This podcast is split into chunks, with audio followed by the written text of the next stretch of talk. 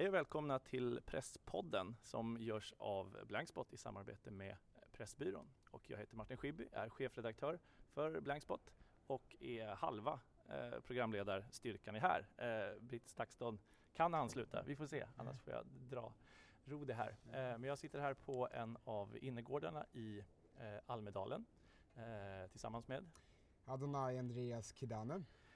Och eh, vi sprang på varandra eh, här nere vid eh, Almedalenparken och började prata om det som händer på, på Afrikas horn, Eritrea och, eh, och Etiopien.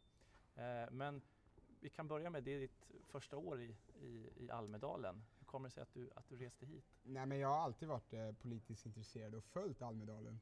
Väldigt många år från TV-soffan.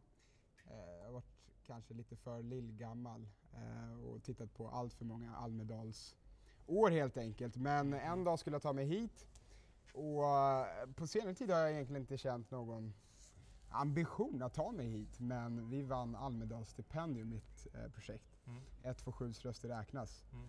Och då var jag illa tvungen att ta mig helt, hit helt Mm. enkelt. Och berätta om det. 127 röster räknas. Ja, ja men det är ett, eh, egentligen ett lokalt projekt eh, som syftar till att höja valdeltagandet i ett av Stockholms södra stads, eh, ja, förorter egentligen, men en stadsdel i södra Stockholm.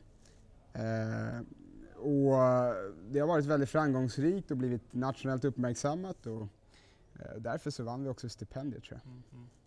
Och ni får människor att engagera sig helt enkelt Mm. att för, att, för att gå och rösta. Mm. Eh, vad, är, vad är den största utmaningen i, i, i det? Alltså, det är olika utmaningar egentligen. Mm. Jag brukar säga att vi arbetar med tre typer av kategorier. Mm. Dels har vi de som är utrikesfödda och, och invandrare egentligen. Mm. De kanske saknar en tradition Mm. eh, av demokrati. Alltså man, man saknar helt enkelt erfarenheter Mm. av att leva i en demokrati och Mm. det är klart att det är en utmaning för sig. Mm. Sen så har vi de eh, förstagångsväljarna som tror att allting kommer rulla på av sig självt och som är födda i det här landet men som inte har så mycket kunskap om eh, vare sig partipolitik eller politik överhuvudtaget. Mm. Man kanske tycker och tänker väldigt mycket men det kanaliseras inte Mm. Mm. till just eh, de politiska plattformarna som finns. Mm. Och den tredje kategorin eller gruppen är de som egentligen föraktar det demokratiska systemet, som känner misstro mot det.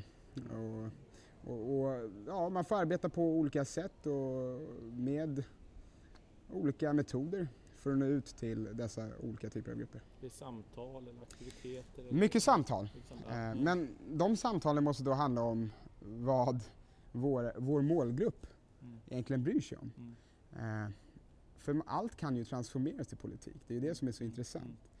Eh, Så om vi bjuder in till debatter, vi har ju haft nationella politiker i Skärholmen för Mm. debatt, då så brukar vi oftast bara nämna vilket, vilket ämne de ska debattera men inte Mm. exakt hur och, och liksom ger manus eller, eller någon typ av vidare struktur utan vi Mm. tror att om politikerna kommer dit och inte är så himla förberedda eh, får svar på publikfrågor, ja, men då blir det ett större engagemang också. Och svaren blir mer genuina, det är det vi har sett. Mm. Människor stannar kvar en timme efter debatten och, och mm, konverserar med politikerna i fråga. Och Mm. det är det här som jag tror politikens kärna handlar om. Alltså varför är man engagerad i, i ett visst parti och, och eh, alla har sina svar på det men jag tror att målen är detsamma, vägarna dit är olika. Vi försöker tydliggöra vilka vägar som finns eh, och som andra förespråkar och tillgängliggöra de här vägarna för vår målgrupp. Tycker du att de liksom, traditionella partierna eh, missar att, att jobba i, i Definitivt. de områdena? Och att Definitivt. det här liksom, det finns en, form av demokratisk skuld helt enkelt? Vi ja, alltså, ja, det var ett bra uttryck. Jag har Ja. inte tänkt i de banorna tidigare i eh, skuldfrågan. Eller att man har sådär. gett upp eller övergett de här områdena? Nej men om, ta till exempel om jag är i kontakt med socialdemokratin eller vänster, vänstern som är oerhört starka i svenska förorter Mm. Så har man oftast en passiv inställning Mm. just Mm. för att man har 50% av rösterna. Mm. Mm. Men det man inte vet är att om det är 60% som röstar, Mm. alltså diffar ungefär 25% eh, gentemot det nationella genomsnittet, ja men då har man 25%, alltså 50% av de 25% kvar att hämta. Men det är ingen som tänker i de banorna. Eller Mm. Mm. borgerligheten som kanske är något svagare, de har kanske gett upp de områdena, alltså förhoppningen att överta de områdena. Så Mm. Man har hamnat i något moment 21 och i ett limbo som är väldigt svårt att ta sig ur, men vi försöker att streta på i alla fall. Mm, mm. Vad hoppas du liksom på med årets, årets val? Mm. Tror du att du kommer få ett ökat deltagande? Eller? Ja, men årets val är ju ett ödesval som man alltid brukar säga var fjärde år Mm. i eh, alla Ja, tider. ja. Men eh, jag tror att engagemanget är kanske något högre för just årets val. Alltså, man har ju haft en negativ trend Mm, mm. val efter val, alltså valdeltagandet har sjunkit. Men jag tror att man, vi kanske får se en brytpunkt i alla fall. Att valdeltagandet inte höjs, men att det stannar på samma nivå. Mm. Och det vore såklart en framgång i det lilla, men vi vill såklart att valdeltagandet ska höjas, i synnerhet i Skärholmen där vi arbetar. Mm, mm. Vad gör ni på själva valdagen? Mm. Går ni röstar tillsammans eller? Ja, ja, men de, det viktigaste är dagarna innan valdagen. Ja, ja. Alltså dagarna där man får stå på gator och torg och Mm. prata med människor och, Mm. och speciellt under förtidsröstningen också för då är det bara att peka dit dem till vallokalen. Mm, mm. Eh, men det handlar om att jobba strategiskt också. Vi har ju haft en mellanvalsperiod, det är inte bara under val som demokratin måste sysselsättas utan vi har en mellanvalsperiod. Vi har arrangerat ganska välbesökta evenemang i Skärholmen Mm. Eh, och eh, arbetar hela tiden med att kommunicera vårt budskap. Men det är klart att det blir mer intensivt nu när valet närmar sig. Ehm, och då handlar det om att stå, som jag sa, på gator och torg. Det handlar om att synas där människor rör sig och eh, få upp vårt budskap på tapeten. I andra delar av världen så är ju förutsättningarna helt annorlunda Ja. för, för både liksom demokrati och pressfrihet och länder har olika historia Mm. och, och så. Och när vi sprang på varandra nere på gatan så började vi surra direkt om Mm. allt som hände kring, kring Afrikas horn.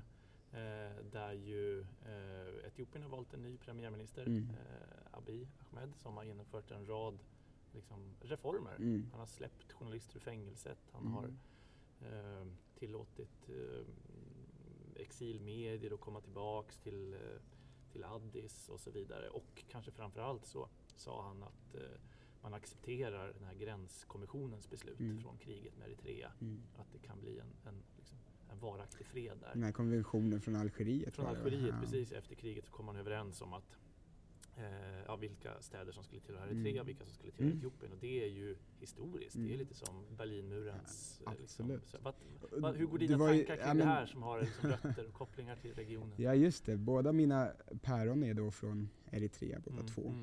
Mm, Min far är uppvuxen i Etiopien egentligen. mm, mm.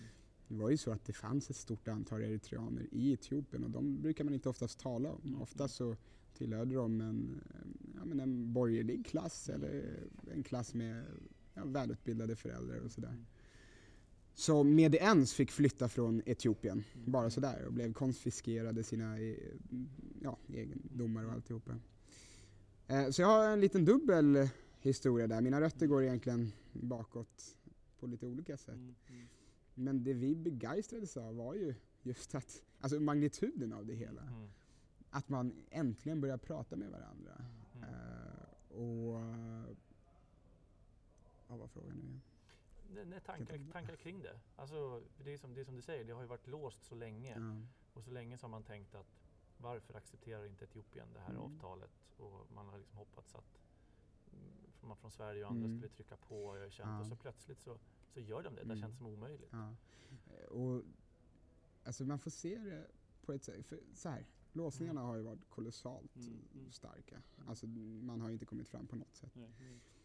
Men rätt vad det är så krävs det bara en demonstration och så har man Mm, en ny president mm, som är oerhört progressiv Mm. och som eh, leder landet med tillförsikt och med framtidstro. mm, Eh, och det, det är det här som är särskilt intressant, alltså hur små ögonblick i historien kan få väldigt stora verkningar. mm, Min stora oro är då egentligen, alltså från Eritreas sida, hur ska man svara? mm, När man har en ledning som är väldigt märkta av det 30-åriga kriget. Alltså man får aldrig glömma att Isaias Afwerki såg som en, ja, nästintill en gud efter kriget. mm, mm, Eh, Var ledare för, för rebellstyrkan där. mm, Eh, och det är klart att har man krigat mot en opposition i 30 år mm, så är man märkt mm. av de striderna. Mm.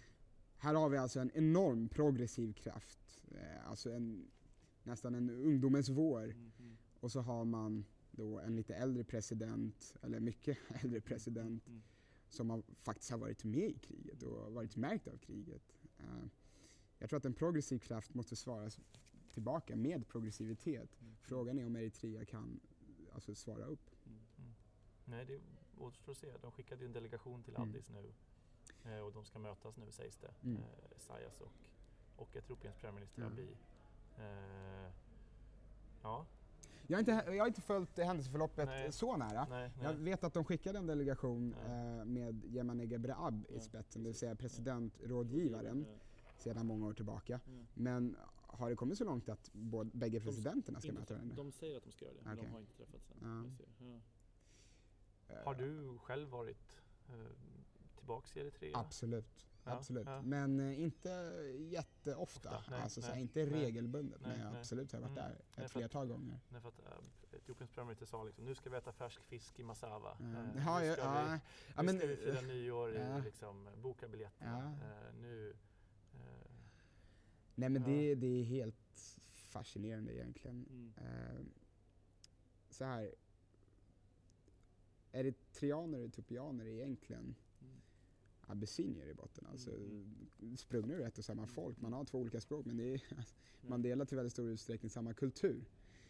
Och eh, ja, på grund av kriget så har det ju varit oerhört stora divisioner. Mm, Även här i vårt land. Även om jag skulle säga att eh, diaspora dynamiken har blivit eh, mycket bättre på Mm. senare tid. Eh, därför att bägge folken strävar efter demokrati. mm, mm. Det var ju det som ledde fram till Abiy Ahmeds, ja, eh, eh, alltså president, Ja. eh, ja, att han blev vald till president. Mm, mm, Eritreanerna börjar också bli märkta av detta Mm. med att stå still. mm, Eh, Medan man kanske känner att omgivningen rör sig. mm, mm, I synnerhet Etiopien. Då.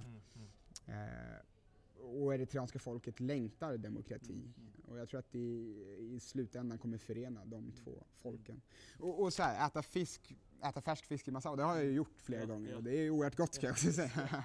Intyga. men men eh, eh, regionen just, ja. så som den ser ut, Mm, Addis Abeba, Asmara och sen ner till Massawa. Får man igång en ekonomisk väg så tror jag att det är Afrikas nya, alltså det är, det är där det kommer hända i framtiden i Afrika. Mm. Eh, så jag hoppas verkligen att detta är ett steg i rätt riktning. mm. Jag, jag ser det också så, det kommer stabilisera kanske Somalia, kanske Mm, Sudan mm. och som du säger få igång ekonomin och få igång eh, ja, fler, lägga en mängd liksom, positiva effekter. Mm. Jag har ju försökt liksom, med Almedalen här och varit på Sida och politiker liksom, men där händer ju det historiska, kommer prata om det. Och alla är så här, va? Vad är det som händer? Eh, vadå? Mm. Eh, och på Sida liksom, nej vi har ingen som, eh, som kan tycka till om det här. Eh, det finns en okunskap och samtidigt Ja. kan man känna så här, men det här är ju jämförbart med liksom, jag vet inte, alltså det är ju stort i sig självt. Men Ja. att det, eh, hur gör du själv för att liksom följa med och få nyheter från, från, från, från regionen? Ja men dels så, ja, Al Jazeera brukar rapportera Ja, ganska bra, alltså det jag läste i alla fall. Jag läste Esaias tal översatt till engelska det, när det kom ut. Ja. Jag har inte själv sett det ännu. Mm. Jag kanske borde se det på Tigrinja också, jag talade där. Eh, men främst är det utländsk media såklart. Eh, och sen så brukar jag också diskutera med mina föräldrar. Ja. Ja, på det sättet där. Och sen så går ju surret alltså i Mm, också. Mm. Eh, och hela tiden, varje dag egentligen. Mm, Alltså, vad är det som händer och Eritrea, Etiopien, kommer de försonas och så vidare. Jag pratade senast idag med en eh, svensk eritrean. Mm, Vi, vi hade vårt seminarium Ja. lite tidigare i förmiddags Ja. och, och, så, och pratade i kanske en timme om bara den Ja, frågan. Så surret går ju och engagemanget växer och organisationen här i Sverige också blir allt mer central för att leda frågan framåt. Ja. Det är jättespännande. Mm. En fråga som vi alltid ställer till de som är med i den här podden är också vad man har för andra medievanor. Mm. Vad läser du för magasin och tidningar? Har du några favoriter? Jag kom Eh, vi brukar med- alltid spela in den i en pressbyrå annars. Ja, det brukar okej. finnas med fysiskt att Ja. titta på. Men ja, Ja, jag har ju med mig Dagens Nyheter här Ja, som du ser. ja, ja. Jag tycker om Dagens Nyheter. Det är, brukar vara dyrt att ha en prenumeration faktiskt. ja. Men Dagens Nyheter har en sån där eh, grej för förstagångsväljare, jag är ju förstagångsväljare, Mm, mm, som gör att det blir gratis för mig att Mm, läsa mm. eh, online i vart Mm, fall, vilket jag tycker är väldigt bra. Eh, men eh, det är klart att jag läser alternativmedia, inte i den bemärkelsen att eh, man läser liksom högerextrem media. Nej, nej. Men eh, ja men, vad ska man säga, ny sorts media. Mm, mm, mm. Blankspot är kanske ett exempel av det. mm. Eh, jag har inte lärt Blankspot så jättemycket Nej, ska jag erkänna. Men, men ja, alltså man in, inhämtar kunskap från Mm, olika sätt. mm. Men sen så följer jag också SVT väldigt Mm. mycket. Och alltså de, ja, allt som är traditionellt följer jag och därtill eh, de här nya sorternas media. Tror du att det finns det några nya medier i förorterna som har uppstått sista tiden eller tror du på sådana lokala initiativ? Ja, jag tror mer på, vi har en väldigt bra lokaltidning Ja, i skärgården ja. som heter Södra Sidan, Mm, tror jag, om de inte har bytt namn. just det, ja. Skär, Skärholmen Direkt tror Ja, jag de heter nu. Väldigt bra chefredaktör och mycket engagerad i lokalområdet och lyfter alltid. Alltså om vi gör någonting, nu alltså av förklarliga skäl så, så eh, figurerar vi ofta i den tidningen då. Men eh, när, vi all, när vi gör någonting och när andra ungdomsorganisationer eller när gräsröster gör någonting Mm, så mm, uppmärksammas samma. det direkt. Mm, Och mm. det blir hel, alltså frontsidor och det blir uppslag och sådär. Och Mm. det är väldigt, väldigt kul att se Mm. eh, att ja, den tidningen i fråga lyfter Ja, ja, både det positiva men också det negativa såklart. Sker det en skjutning så rapporterar man om det såklart. Eh, Men eh, man har en parallell rapportering också. För det finns ju ett engagemang som eh, ja, i grund och botten går obemärkt förbi. Mm, Och det tycker jag är synd. Jättespännande. Mm. Eh, tack så jättemycket Ja. för att du gästade eh, Presspodden. Ja, Tack så och lycka till vidare i Almedalen och med arbetet att få fler att rösta Tack så mycket. i Skärholmen. Ja, tack.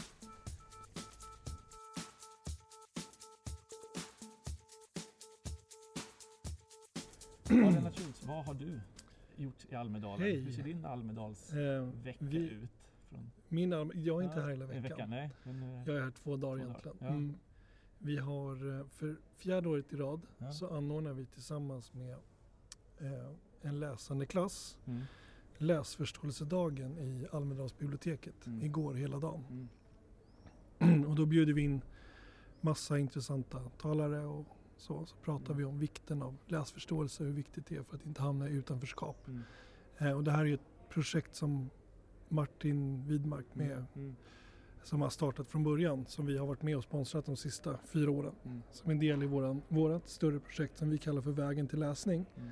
Som är ett projekt som syftar till att just barn och ungdomar ska hitta tillbaka till läsningen och hitta Mm. glädjen i läsningen. Mm. Som Sveriges största försäljare av magasin och, och serier så känns det som en naturlig grej för oss att jobba med. Mm, mm, Eh, långsiktigt också. För det är vår, en del av vår historia också kommer ju från pressen. Mm. Det är så vi började.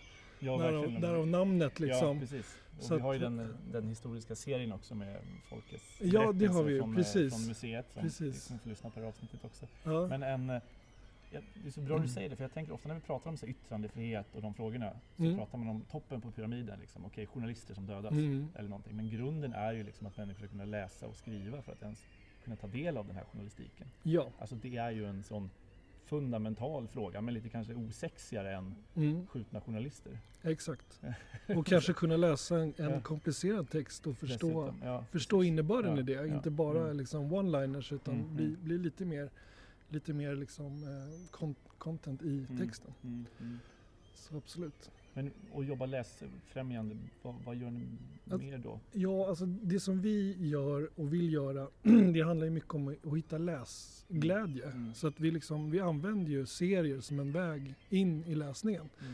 Men sen gör vi också aktiviteter som till exempel rullande serieturnén som vi Mm. gör när vi åker runt till torg och till liksom förorter och till liksom ställen och stannar upp med den här. Eh, det, är liksom, det som en kalankas Mm, liksom, mm, julafton, den här ehm, husvagnen då. Så Mm, fyller vi mm. den med serier och sen så bjuder vi in liksom lokala profiler som på ett eller annat sätt jobbar med språket. Så det kan vara hiphopartister, det kan vara spoken word-artister. Mm. Och sen så ställer vi upp den här så får man komma dit och rita serier, man får komma dit och göra workshops med de här ehm, med de här hiphopartisterna eller med de mm, mm. liksom spoken word-artisterna som är stora på den lokala platsen där vi Mm. besöker.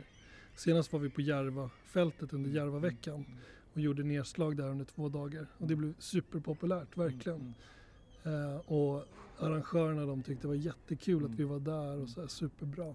Mm. Eh, och jag tror att det var anledningen till att vi blev så populära var ju för att vi liksom var med mm. deltagarna på ett annat sätt. Vi pratade inte till deltagarna utan vi liksom engagerade oss med dem på ett, på ett väldigt eh, intressant sätt som gjorde att de tyckte att det var roligt mm. och arrangörerna mm. också. Mm. Så det.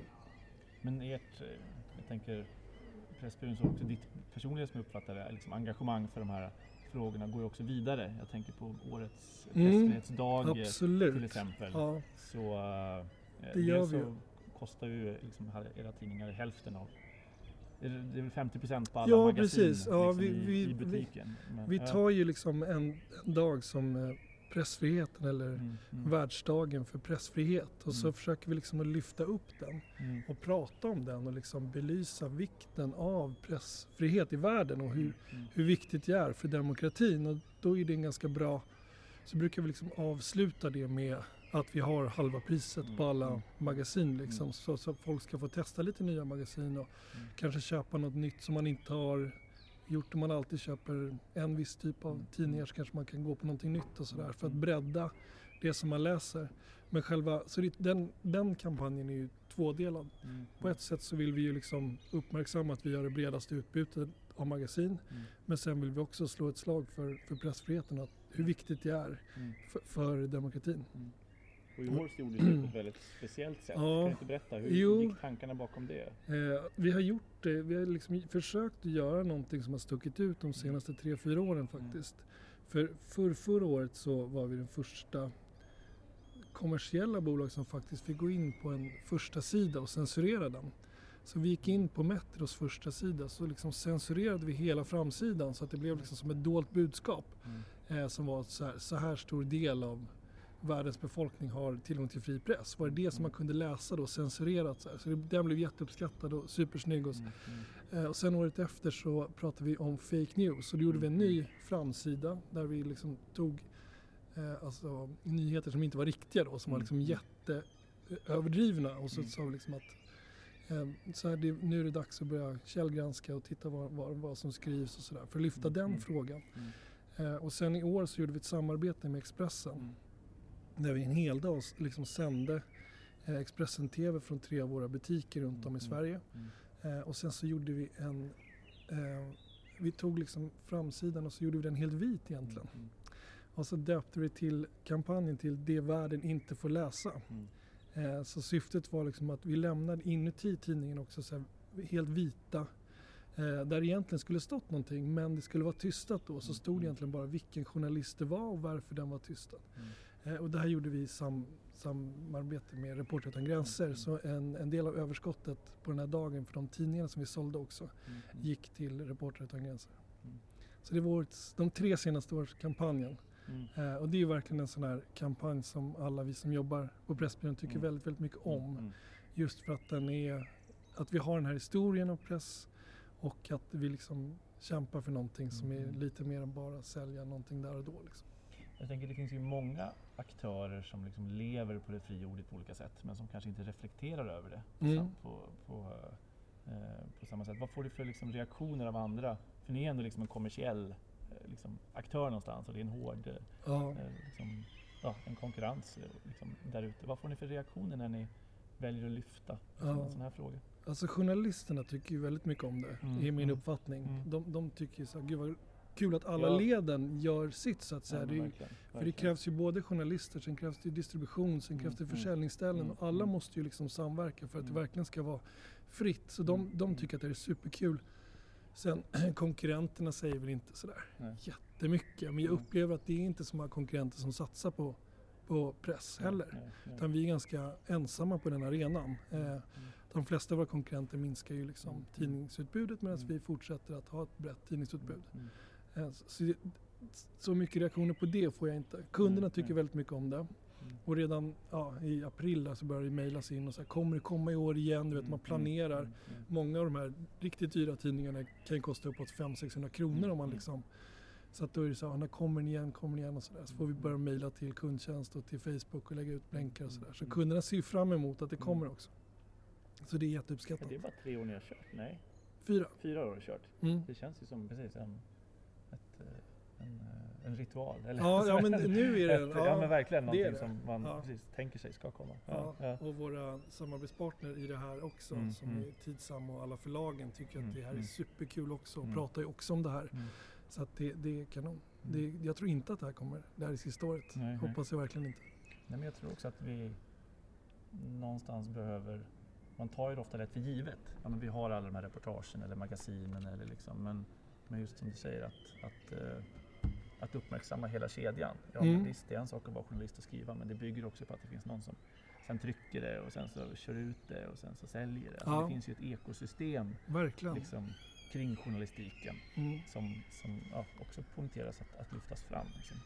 Och det är också faktiskt, märker vi också, för att Mm. när eh, en eh, kategori som tidningar som ändå är ganska, som du säger, tungjobbat, det väger, Mm. det kommer stora Mm, lastbilar, man ska byta ut, byta in. Det, det, det Mm. kräver ganska mycket jobb Mm. eh, och det minskar ju liksom även hos oss, även om vi Mm, minskar mindre än våra konkurrenter, så är det liksom, jag upplever att våra, våra franchisetagare, våra köpmän, när, de, när de får liksom sätta in den här kategorin i någonting större, när de liksom sätter in det i en samhällskontext som bidrar till någonting mer, så, så ger det liksom en stolthet för dem som gör att de också tycker att det är roligare att jobba aktivt med kategorin tidningar. Mm, mm, Så det är jättepositivt även i de interna leden. Liksom. mm, mm. Vad har du själv för medievanor? Hur håller du, hur håller du koll? Jag, Eh, jag är, använder ju väldigt mycket sociala medier. Ja, ja, Eh, Instagram Ja, mycket. ja. Sen så läser vi DN, mm, mm, har vi hemma, prenumererar på DN. mm, Och sen så är det ju väldigt mycket tidningar i jobbet som Mm. jag liksom kommer i kontakt med. Som jag, mm, eh, och sen så får vi en del liksom nyheter skickade till kontoret som man kan läsa och så. Så det, Mm. det är egentligen mina medievanor. mm, Tittar mycket streamad också. Alltså Netflix och mm. De här HBO och Ja, serier. ja, ja. Serier ser jag mycket på. Hur ser du liksom om du ska spana kring tidskrifter i och med att ni liksom är besjälade liksom, eh, tidskriftsälskare och journalistikälskare i en sån liksom förändrad medievärld och mediemarknad med streamat och med Ja, Instagram och sociala medier. Vad, vad, vad ser du runt hörnet? alltså jag, jag tror ju att det, det är så här, det kommer ju en ny generation som inte har vuxit upp med magasin på samma sätt. Mm. Utan de har ju liksom ett annat invant beteende. Att ska man hitta en nyhet, ska man läsa om någonting så, så gör man det på sin padda. Det finns liksom inte... Eh, Medan den lite äldre generationen som eh, är uppvuxna med en annan typ av beteende har ju fortfarande en, en väldig så här, kärlek till det här tryckta magasinet. Det Mm, finns mm. någonting härligt, någonting lyxigt med att Mm, liksom öppna upp ett magasin. Så att jag, det förändras ju mer till en lyxprodukt nu mera. Mm. Att, att ha ett riktigt magasin att läsa. Mm. Eh, sådär. Så att så länge liksom folk ändå har det beteendet att man tycker att det är något härligt så tror jag att det kommer finnas ett sug efter Mm. tidningar. Mm. Men det är klart att det kommer minska, det är Mm. inget snack liksom. Mm. Och i takt med att de digitala lösningarna blir bättre och bättre eh, så, så tror jag ju att det kommer eh, att minska helt klart. Jag minns ju själv när jag hade liksom gått ut Journalisthögskolan och ville börja jobba med utrikesjournalistik och inte visste hur jag skulle göra. Mm. Så gick jag in i eh, en av de här liksom välsorterade eh, Pressbyrå eller Pressstopp tror jag Mm. eller någonting. Ja, Eh, och liksom köpte ett ex av varje tidning och sen så satt jag med en fotograf och bredde ut det där på golvet. Och liksom, eh, tänkte vad kan vi göra för tidningen Hundliv i Nepal? Vad kan vi göra för tidningen Babababa? Och sen så liksom, så jag lärde mig knäcka koden och försörja mig som utrikesreporter. Ja, så här, för vi har ju en sån, även om Sverige är ett litet land och ett litet språkområde så har vi en sån otrolig magasinsflora. ja verkligen. Eh, som verkligen är ett privilegium som, som journalist att jobba för. Det glömmer man ju Ja. lätt bort liksom och tänker att det vore lättare att skriva på tyska eller franska men jag är tveksam till att, att andra frilansande kollegor säger i alla fall det att det kan vara avundsjuka på mängden svenska tidningar och hela vår fackförbundspress och det finns ju mycket ja, verkligen. organisationstidningar. Ja, liksom. Ja. Det är bara att gå in och titta på en hem, hemsida. Ja, men Vi verkligen. säljer ju Det- tidningar där också som ja. ett komplement till handlare som inte har allt. Även om kanske, de kanske bara då Ja, inom citattecken har 600 titlar. ja, Eh, Så vill man e- erbjuda ytterligare kanske precis. Ja, 1500 till så kan man gå in på hemsidan och beställa det där. Tusen tack, eh, Tack så mycket. för eh, denna pratstund. Ja. Eh, och eh, ja, eh, vi får se vad, vad som händer med magasin och Yes. journalistik och yttrandefrihet framöver. Okej, Tack så mycket tack själv. gästade Presspodden.